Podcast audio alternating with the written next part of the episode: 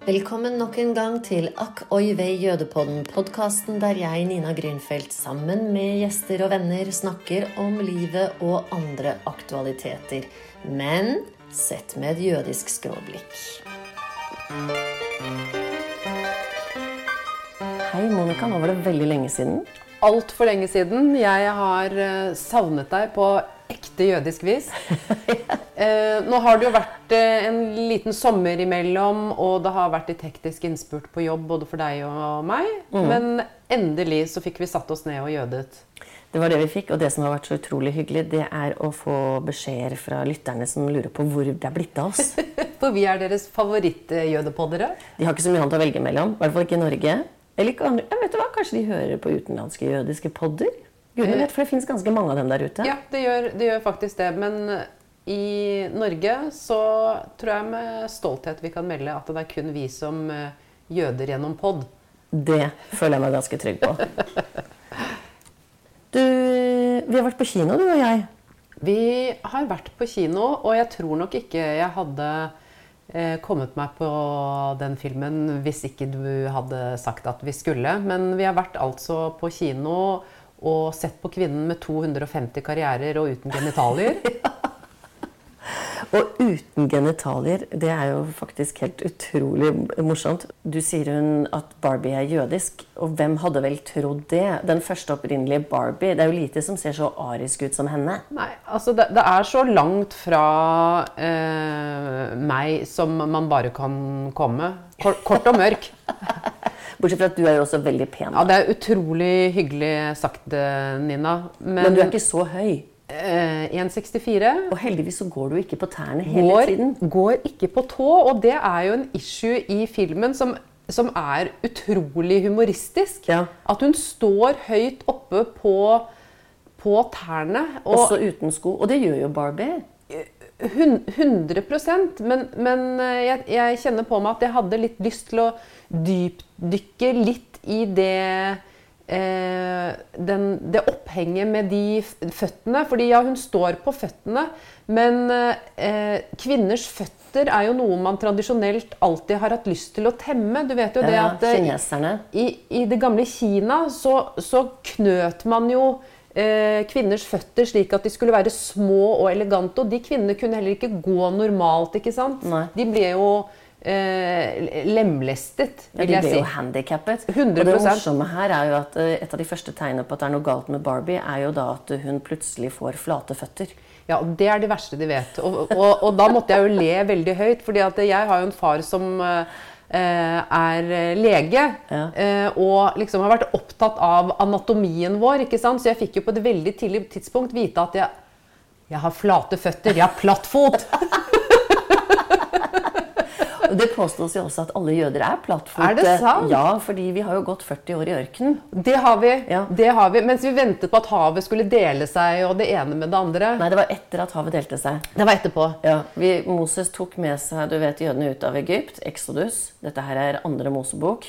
Og så delte havet seg, sånn at han kom seg over, og egypterne druknet. Veldig slemt mot alle egypterne. Og så begynte han å gå 40 år gjennom ørkenen for å komme fram til Jerusalem. Det er, det er godt gjort, fordi det er ikke veldig lang avstand. Men i løpet av den tiden så rakk vi å bli plattfote. Og da, kanskje det er noe av grunnen til at hun godeste Ruth Handler valgte å gjøre Barbie til å stå på tærne. Ja, nei, altså Dette syns jeg var en helt fantastisk historie, Nina. Tusen, tusen takk for den. For det med at jeg er eh, plattfot Vi har aldri liksom tenkt på at det er et problem, men det var et eller annet med når vi kom opp av, av bassenget Vi var ofte og, og svømte. og så når vi kom opp av bassenget, Ja. så kunne du se at alle de andre barna hadde sånne fine fotavtrykk, mens jeg hadde sånn plup, plup, plup. Men du, du har jo et arsenal av høyhælte sko, du òg, da. Det har jeg. Det stemmer. Ja. Så sånn sett så eh, kjenner jeg meg kanskje litt beslektet med Barbie. Og jeg Eh, tenker at din kjolegarderobe er litt sånn Barbie på 50-tallet. Ja, kan, ja, kanskje, Litt, ja, kanskje det? det? Du vet at jeg, jeg føler meg så fjernt fra både de skoene og de kjolene, fordi at uh, det er noe med post, uh, postpandemi. At pandemien ødela på en måte hele den pyntetingen Mhm. eh, for ganske mange, og også meg. Så Plutselig gikk vi bare hjemme i joggebukser. joggebukser og joggesko. Så nå er det sånn jeg tar på meg et par høye sko nå også, men nå skjer det egentlig kun når jeg skal på fest, altså. Ja. Men du, tilbake til Barbie. Absolutt. Eh, fordi Før vi da begynner å snakke om alt dette jødiske og Ruth Handler Da jeg så at denne filmen kom, så tenkte jeg å herregud, for et kommersielt tiltak for å gjøre Barbie politisk korrekt. Ja. Fordi Barbie må jo ha hatt det ganske hardt de siste årene, tenker jeg. Jeg tenker jo at eh, populariteten omkring den eh, blonde sylfiden har nok vært, eh, vært dalende. eh, 100% Og så har de jo gjort noen tiltak opp gjennom årene. Altså Det kom bl.a. en mørk Barbie. Eh, hva var det hun het, da? Hun het Christie, het hun, og hun kom faktisk i 1968. Ja, det var Så det er bra. ca. ti år da, etter at Barbie kom til verden. Ja. Fordi Barbie kom til verden i 1959. Og så tok det hele ytterligere nærmere 40 år, 2017, før du fikk en hijab-Barbie. Mhm. Og du hadde faktisk en jødisk Barbie i 2006, nemlig Diana von Fürstenberg-Barbie. Å, det er kult. Oppkalt etter uh, Kjoledesigneren, kjoledesigneren. Som jeg for øvrig har en kjole ifra. Ja, det har jeg Så det var, og, og så har de faktisk også eh, lagt til en Barbie som hadde Downs syndrom, Ja. leste jeg et sted. Ja. Så, så de, det som var eh, Jeg kjente jo til at det var veldig mange typer Barbie, men at de faktisk i ganske stor grad prøver å tilpasse seg eh, det samtidige landskapet, det var ikke så kjent for meg. Og det så vi jo i filmen i går også. Jeg Ja. så jo at i den store miksen av eh, mennesketyper, så var det også en trans-Barbie. Ja. Altså? Og, det, og det, det som er morsomt, tenker jeg, og som jeg syns faktisk filmen på ganske vellykket vis klarer å få til, nemlig hvordan dette hyperkommersielle produktet eh, tilrettelegger seg nye krav og markeder. Ja. Men samtidig hvordan de i hvert fall gjennom filmen da, klarer å postulere at dette også er et ideologisk og feministisk prosjekt. Ja, og, eh, og det hadde jeg utrolig vanskelig for å forstå før jeg gikk inn og så filmen. Ja. Fordi dette her er nok en film som jeg hadde latt fare hvis ikke vi skulle snakke om det med utgangspunkt i filmens jødiske røtter. Eh, Og så tenker jeg at Det er på en måte akkurat nettopp det som er liksom vektingen. Tror vi på at denne filmen faktisk kan bidra inn i debatten om Barbies betydning som på en eller annen måte rettferdiggjør henne? Eller er egentlig bare filmen per se ytterligere et superkommersielt reklamejippo? Ja, og det er jo den store diskusjonen. Jeg kommer jo nå Jeg har akkurat vært i Asia. Og eh, jeg gjorde stort sett spennende og kulturelle ting. Men uh, vi kan jo også kalle uh, shopping for litt kultur innimellom. men i en av Sara-butikkene som vi gikk innom der, så var det fullt opprigg med Barbie-klær. Ja. Og der sto det også en sånn fotobut hvor alle kunne gå inn og ta uh, bilde av seg selv. Da, og selvfølgelig da plukke med seg klær som ikke var overpriset. Det skal eh, jeg gi dem et eh, nikk for. Men, men eh, det slo meg jo på sett og vis hvordan på samme måte som Barbie eksteriørt er veldig forskjellig fra meg, så er jo Barbie også utrolig forskjellig fra de som bor i Asia. Ja. Sånn rent eksteriørt. Så, så dette er, er jo et kommersielt prosjekt. Men jeg var positivt overrasket over innholdet. Det må jeg si at jeg var. Ja. Men igjen så er jo det da selvfølgelig også virkelig merchandise. Altså vi snakker om eh, varer, kjøp og salg. Tilbud og etterspørsel. Altså, vi så, ja, altså, og så så du jo også hvordan Nå gikk jo vi på kanskje en forestilling som eh, altså Jeg tenker jo at denne spilles i svære saler over hele verden. Du så jo at eh, Det var helt utsolgt. Det var Det var tjåka fullt. Ja, men du så jo at flere av de hadde også tatt på seg rosa klær. Ja, Så ja, det ja, det, er, jo en, det er jo en greie, ikke sant? Men du, apropos sånn boot, de hadde jo også en sånn boot der hvor vi kunne fotografere oss. Vi tok et bilde, da. Og det er jo denne Barbie-boksen. Ja. Og da hørte jeg fra mannen min nettopp en morsom vits, nemlig Vet du hvorfor Barbie ikke kan få barn? Nei. Because Ken comes in another box. Ja, og, Og da er vi tilbake til genitaliene. Ja. Og det er jo faktisk det hele filmen slutter med. Ja. Nemlig at Barbie blir med inn i menneskeverden. For vi har nemlig to verdener her. Vi har Barbie-land, Mm. Ja. Mm. og så har vi menneskeverden. Og der er det en konflikt.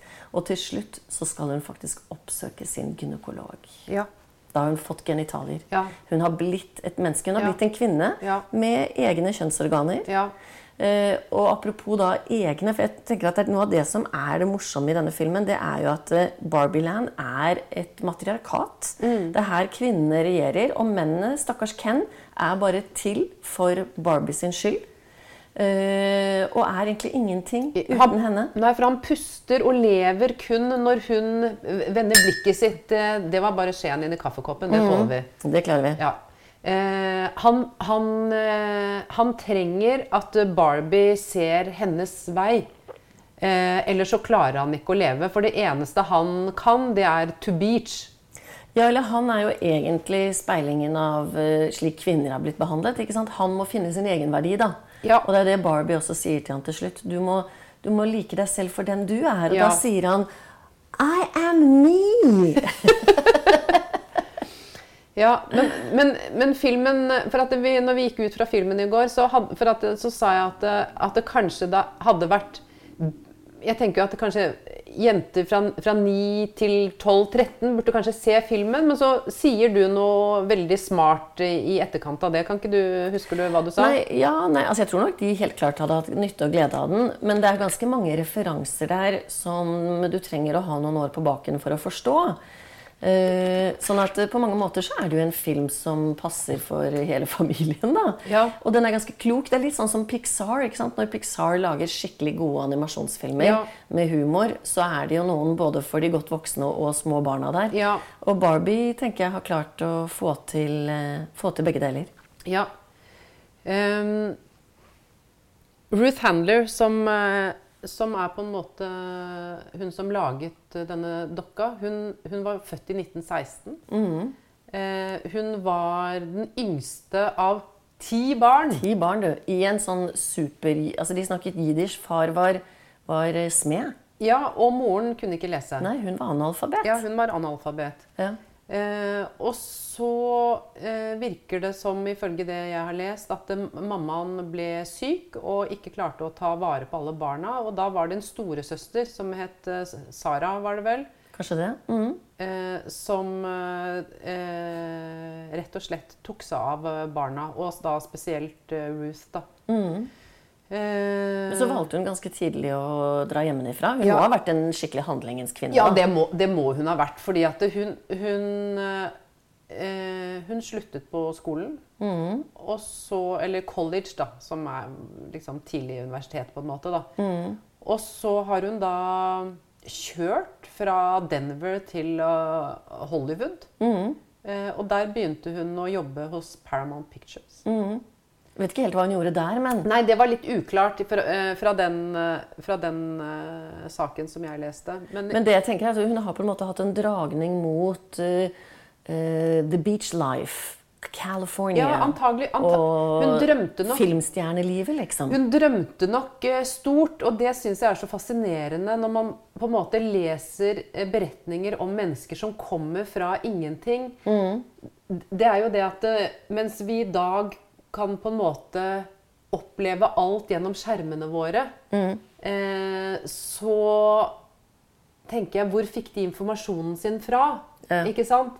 Det må jo ha vært gjennom de få gangene de gikk på kino, gjennom bøker. Ja, men du vet, vet du hva? Amerikanere gikk ikke få ganger på kino. Amerikanere på denne tiden, Ja. både før og etter okay. andre verdenskrig, går okay. på kino hver eneste uke. Oi, Sånn oi at hva du vet! vet Hva ja, du ja. vet, ja. Mm. Jeg har jo lest filmvitenskap, må vite. Eh, så de hadde jo ikke TV, vet du. Det Det, de gjorde, var at de gikk på kino. Det stemmer. Og Hollywood var jo drømmeland for amerikanere. Ja, men de, dette her har hun jo da, da drømt om, Mm. ikke sant? Og så har hun med en, en venn som het Harold Madsen, stiftet Mattel. Ja. Og du vet, Der er det en morsom historie. fordi Før hun gjør det, så gifter hun seg med sin high school sweetheart som heter Elliot. Og så møter de denne Mattel. eh, Og mannen hennes han begynner egentlig først med å lage noen møbler, bl.a. i pleksiglass osv.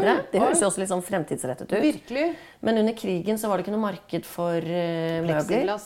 Eh, nei, ja, ikke sant? Og i hvert fall ikke møbler. Uh, men leker derimot, det er vel litt sånn eskapisme. Også Klart. barna må ha noe å leke med. Klart det. Eh, og så møter de denne her Mattel, og så forteller jeg, leste jeg et sted her, at da ble de enige om at eh, Mattel, det navnet på fabrikken som produserer Barbie, er en blanding av navnet Harold Madsen, vil si Matt, og mannen Elliot Mattel. Ja. Og så sier da mannen i et senere intervju at uh, ja, vi forsøkte, men det var ikke mulig å få med navnet til Ruth inn i dette her. Ja, Så det ble bare Matt Ja. og Elliot, da. Ja. Så eh, for Barbies mors del, altså for Ruth sin del, så hun har funnet opp dukka og fått til alt det der med, med dukken. Skulle ikke inn i firmanavnet. Men hun fikk ikke være med i firmanavnet. Nei, for det var vanskelig å kalle det for Roomatel. Ikke sant? Så langt strakk man seg ikke. Nei. Dette her ble jo, Det var, har jo vært en del sånn snakk om hvordan eh, hun kom på ideen. Og da Barbie-navnet er jo fra dette, Det rett og slett en omasj til hennes datter, som het Barbara. Jepp. Det det. Og Ken er fra sønnen Kenneth. Riktig. Ja. Så hun strakk seg ikke så langt sånn fantasimessig der, Nei. men det er jo en vakker, eh, vakker gest til hennes to barn, da. 100% er det det. Bare Litt Jewish mama, kanskje? Ja, ja, ja. ja for at det, det er ba... ens egne barn er de mest fantastiske alltid. Ikke sant? Jo, jo, jo. Ja. Og så er det jo da, som hun har uttalt, og det er også veldig morsomt i filmen, fordi at hele filmen starter jo som en omarsj til Stanley Kubricks En romodyssé. Det gjør det. Um, Åpningen er fantastisk. Ja, den er nesten det morsomste Ja, alt. den er, altså det, det er stor filmkunst, altså. Små piker som ligger ute i ørkenen og leker med dukker og kjeder livet av seg. Ja, og så kommer. Barbie inn, Ja. og da får du denne her, ikke sant, eh, dukken som kastes opp og ramler ned, og verden begynner på nytt. Ja, ja. Med meterlange ben. Ja. Ja. Det interessante som da Ruth Handler uttaler, er at hun var lei av å se at eh, små piker bare skulle leke med dukker som var babyer. At hun så at det var et behov ja. hos små piker til å få lov til å leke med dukker som handlet om å identifisere seg med hva de selv skulle kunne bli. Ja. Eh, Og da hadde hun sett datteren sin leke med en papirdukke. Og hun hadde også vært på en messe i Sveits og sett en dukke som minnet om noe hun da valgte å utvikle Riktig. videre. Riktig. Eh, og tilbake til det jødiske, så har dette kanskje noe å gjøre med kvinneroller og hvordan eh, altså, Hvis man skal ta på seg litt sånn stor kappe her, da. På hvilken måte er Barbie, i, med sin jødiske kreatørs bakgrunn, et feministisk prosjekt? Du har jo allerede snakket om de 250 karrierene som Barbie har. Ja, fordi Barbie, er jo inkarnert både som lege, som eh, pilot, som astronaut. Altså det er jo ingenting som står i, i veien for henne. Og jeg tenker jo det at eh, det er jo ikke uvanlig at eh, La oss si da at hvis man ser på jødiske familier i generasjoner, eh, så eh, etter krigen så var det jo veldig mange som sto uten noen ting. For det første så hadde jo veldig mange blitt fratatt alle rettigheter til både utdanning og eie ting osv. Eh, og så var det jo også millioner av mennesker som ikke fantes lenger. Men for de som var igjen og skulle skape seg et nytt liv, så tror jeg det var enormt viktig å ikke signalisere til barna sine, også eh, jentebarna, at eh, din jobb i livet er å være en husmor, en homemaker, men at du kan bli akkurat det du vil. Så jeg tror at dette fanger opp noe helt essensielt i det jødiske, som også handler om at eh, kunnskap er makt. Og at eh, du gjennom utdanning eh, kan få til absolutt hva du vil, og at eh, det har vært høyt prioritert i veldig mange jødiske familier. Og så er det klart at det er jo unektelig et ganske sånn sterkt feministisk prosjekt i at Barbie hun er jo en materialist, men hun eier tingene selv. Hun eier huset sitt, hun eier bilen sin, hun eier raketten hun skal kjøre til månen med, båtene hun ferdes med. Altså hun, hun, hun, er, liksom, hun er en possessiv person. Hun, vil ha mer og mer. Hun får jo aldri nok sko og aldri nok kjoler. Nei. Og i dette her, det kan man jo si at det er eh, ikke veldig politisk korrekt i dagens Nei, nei. samfunn. Det er jo ikke veldig bærekraftig å skulle ville ha alt dette her. Men eh, i, i, med tanke på den tiden hun kommer ifra, Ja. så er hun jo da en kvinne som velger å stå i verden med, med seg og sitt. Men det jeg tenker også er litt interessant fra et sånt minoritetsperspektiv, da. Hvis man liksom tenker seg Barbie rent sånn estetisk, hvordan hun ser ut, så er hun jo, som vi sa innledningsvis, ganske fjernt fra det tradisjonelle bildet av hvordan jøder ser ut, og hvordan mennesker generelt ser ut. Ja. Hvordan mennesker. Hun er jo en fantasifigur. Ja. Hun er jo litt sånn science fiction.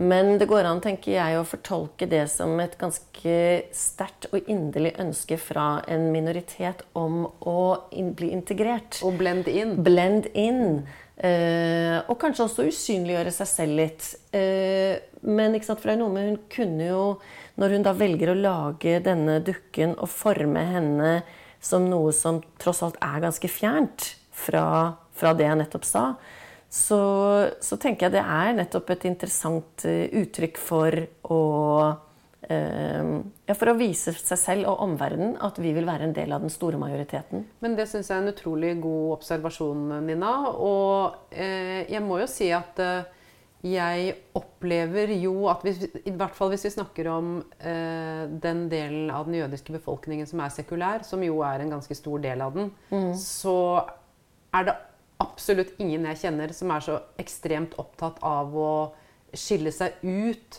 fra majoritetsbefolkningen. Eh, og dette her går jo helt tilbake til eh, mellomkrigstiden og annen verdenskrig. Altså eh, Tyske jøder var ekstremt godt integrert. Ungarske jøder var ekstremt godt integrert. Og det var jo også derfor de ble så overrasket over når nazistene og fascistene kom og pekte på dem. Fordi de følte seg som tyskere eller ungarere. ikke sant? De var jo det. De var det! Ja. De var det, ikke sant? Inntil noen andre bestemte noe annet. Eh, så det der syns jeg er en utrolig god, god refleksjon. At den på en måte, Barbie-dokken på en måte representerer litt av det bildet som handler om å ikke ville skille seg ut. da. Være som de andre. Eh, En annen Barbie som også slo meg, som jeg leste om, som er litt interessant, det er en Barbie med tefillin. Ja! Altså med det jødiske bønnesjalet. Det er det jo bare menn som har. ja, og det er jo egentlig ganske kontroversielt. eh, Det at eh, kvinner går med det som normalt sett er tenkt på som mannens plagg. Da både eh, en Kippa. kalott Ja. og eh, tefillin Og og disse bønneremmene. Ja. Og, fordi at eh, Det du jo indirekte sier med det, er jo Det er et veldig sterkt feministisk prosjekt. Ekstremt. Det er jo, Kanskje er hun en rabbiner. Ja. En kvinnelig rabbiner. Da Ja. har man jo tatt jødedommen ganske langt. Det har man. Jeg tenker Det er veldig gøy med Barbie at de lager alle disse variantene som jo faktisk er et eh, Det blir jo et eh, budskap ut i vår samtid. Hvor langt kan du strekke henne? Eh, Hva, hva kan du bruke henne til for nettopp å, å, å komme med nye budskap? Ja, jeg tenker jo at det er jo mulig å, å strekke det så, så langt som mulig. Altså, eh, både du og jeg er jo opptatt av at eh, eh, kvinner skal eh, eie rommene like mye som, eh, som menn. Så derfor så er det jo utrolig tøft at de gjør dette. Det hadde vært spennende å høre hvordan noen ekstremt ortodokse jøder har reagert på Barbie med tefillin og så videre. Ikke sant? Så dette her vil jeg gjette er en eh, dokke som man primært har sett i USA. Da. Jeg tror ikke den hadde solgt så godt i hyllene her i Norge. Her hadde dere ikke skjønt hva det var. Nei. Du bare Hæ? Men nå har vi fortalt dere at dersom dere kommer i leketøysbutikken og ser en Barbie med et eh, sort og hvitt eh, stripete bønnesjal Ja. og disse bønneremmene, Ja. da er det en rabbiner-Barbie. Ja, da kan ta- dere kjøpe det. Ja, kjøp det, eller ta et bilde og send til oss. fordi det, jeg har lyst til å se den i hvilken som helst butikk. Så hvis det er noen som er ute og shopper i en leketøysbutikk i New York nå, f.eks., og hører på Jødepodden, send oss det bildet. Ikke sant? Du, hadde du Barbie da du var barn? Du, jeg hadde ikke Barbie, og jeg har liksom prøvd å tenke etter om jeg ønsket meg det. Men vi, når jeg var liten, så bodde vi i England i en periode. Og i UK så hadde de laget en kopi av Barbie som het Daisy. Mm. så jeg fikk denne Det er sånn Pepsi og Cola, liksom. typ. Ja. Men den var veldig fin. Ja. Eh, Og den fikk jeg av eh, i forskjellige varianter. Så jeg hadde to-tre sånne Daisy som jeg hadde med meg hjem fra Birmingham, hvor vi bodde da. Og de var jeg veldig sånn eh, knytta til. De likte jeg ekstremt godt. De Men var ikke det egentlig som hvis du drømte om å få sånn fusalpjakke, og så fikk du sånn jakke bare at hanen var uten hode og hale? Ja, Husker du det? Det var sånn fake Jo, jeg, jeg skjønner hva du mener, men akkurat i dette tilfellet så kan jeg ikke huske at jeg bar på noen sorg for at det var at Barbie lå i hylla og jeg hadde Daisy. Jeg husker at jeg var oppriktig glad i de Daisy-dokkene. Ja. Så, så det var ikke noe, noe savn hos meg. Nei. Altså, jeg hadde nemlig Barbie-møte, og jeg må innrømme at jeg i min barndom hadde et eh, Bjørnar Moxnes-tilfelle. det som skjedde, var at eh, jeg hadde en veldig god venninne som het Siri, som bodde ganske i nærheten av meg. Og hennes mamma var amerikansk. Verdens søteste mamma, Marion. Og Marion, hennes familie, sendte jo da stadig vekk gaver til Siri. Selvfølgelig. Eh, og det var jo Barbie-dukker. Og det var Barbie-klær. Så altså, hun hadde liksom hele arsenalet, mens jeg hadde bare én Barbie, som jo etter hvert hadde blitt ganske sånn tufsete i håret. Du hadde og- klippet henne litt? Ja, eller du vet, jeg hadde ikke stelt henne pent nok, og hun var blitt litt sånn falmet i huden og sånn. Riktig. Og jeg hadde også på et tidspunkt faktisk skreket meg til en Ken, men han hadde bare ett plagg. Oh, jeg trodde du skulle si han hadde ett ben, ja. Men, men nei, så du Ja, hadde, de- de- du hadde revet av, liksom? Ja, det hendte jo de datt av de der beina. Ja, de gjorde det. Men Ken var, ble også veldig ikke bra i huden etter hvert. Altså. Men i alle fall, jeg var så utrolig misunnelig på Siri, som hadde alle disse okay. du, klærne. Ja, ja. Så på et tidspunkt så stjal jeg En dokke eller klær? nei, et par sko. Et par Barbie-sko. Det var ikke mer. Har du innrømmet det? Nei, det som skjedde var at eh, jeg var jo dum nok. Eller vil si, jeg tenkte hun har så mange, hun legger ikke merke til det. Så jeg tar de med neste gang vi skal leke. Og så så jo hun det, og så sa hun de er vel egentlig mine. Og så sa hun nei, de er mine. Og så sa hun nei, for jeg har fått de fra min onkel i Amerika. Og så sa jeg jeg har også en onkel i Amerika. Du var misunnelig på det òg!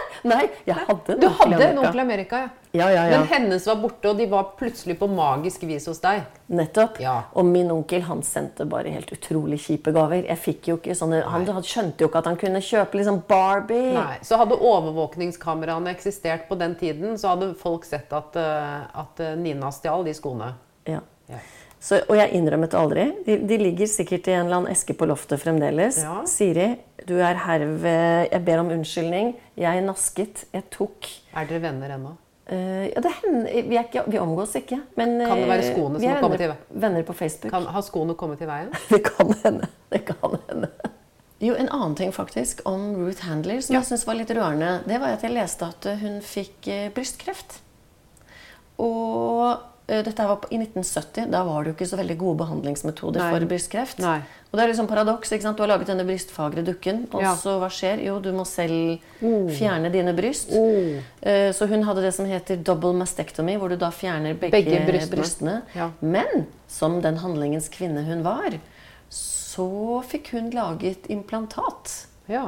Altså ikke sånn som du opererer inn. Jeg har jo faktisk gjort det samme, og det har jeg vært helt åpen om. Jeg har også Ja. fjernet begge bryst Ja. etter brystkreft. ja, det har du. Eh, Men med dagens eh, medisinske teknologi og kunnskap så har jeg fått en veldig fin rekonstruksjon med mitt eget fett. Fantastisk, Nina. Så hun lagde da faktisk eh, type protese som også ble brukt av eh, presidentfruen Betty Ford. Fantastisk. Wow. Ja. Ok, dette var en fin, fin historie, Nina.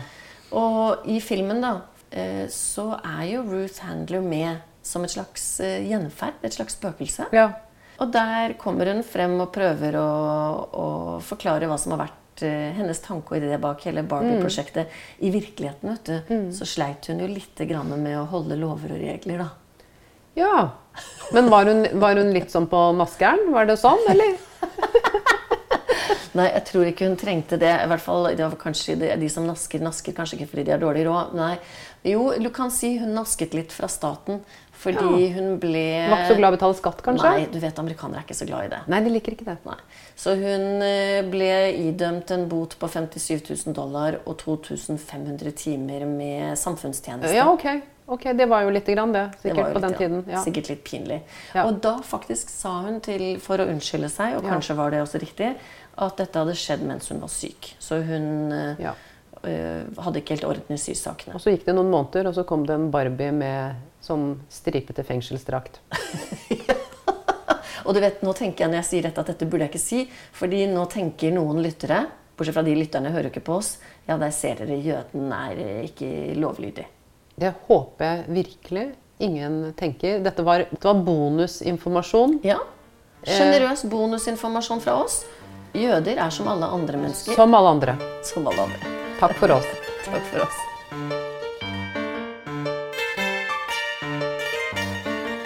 Takk for at du lytter til AKIV Jødepodden. Om du liker denne podkasten, kan du trykke 'abonner' i din foretrukne spiller.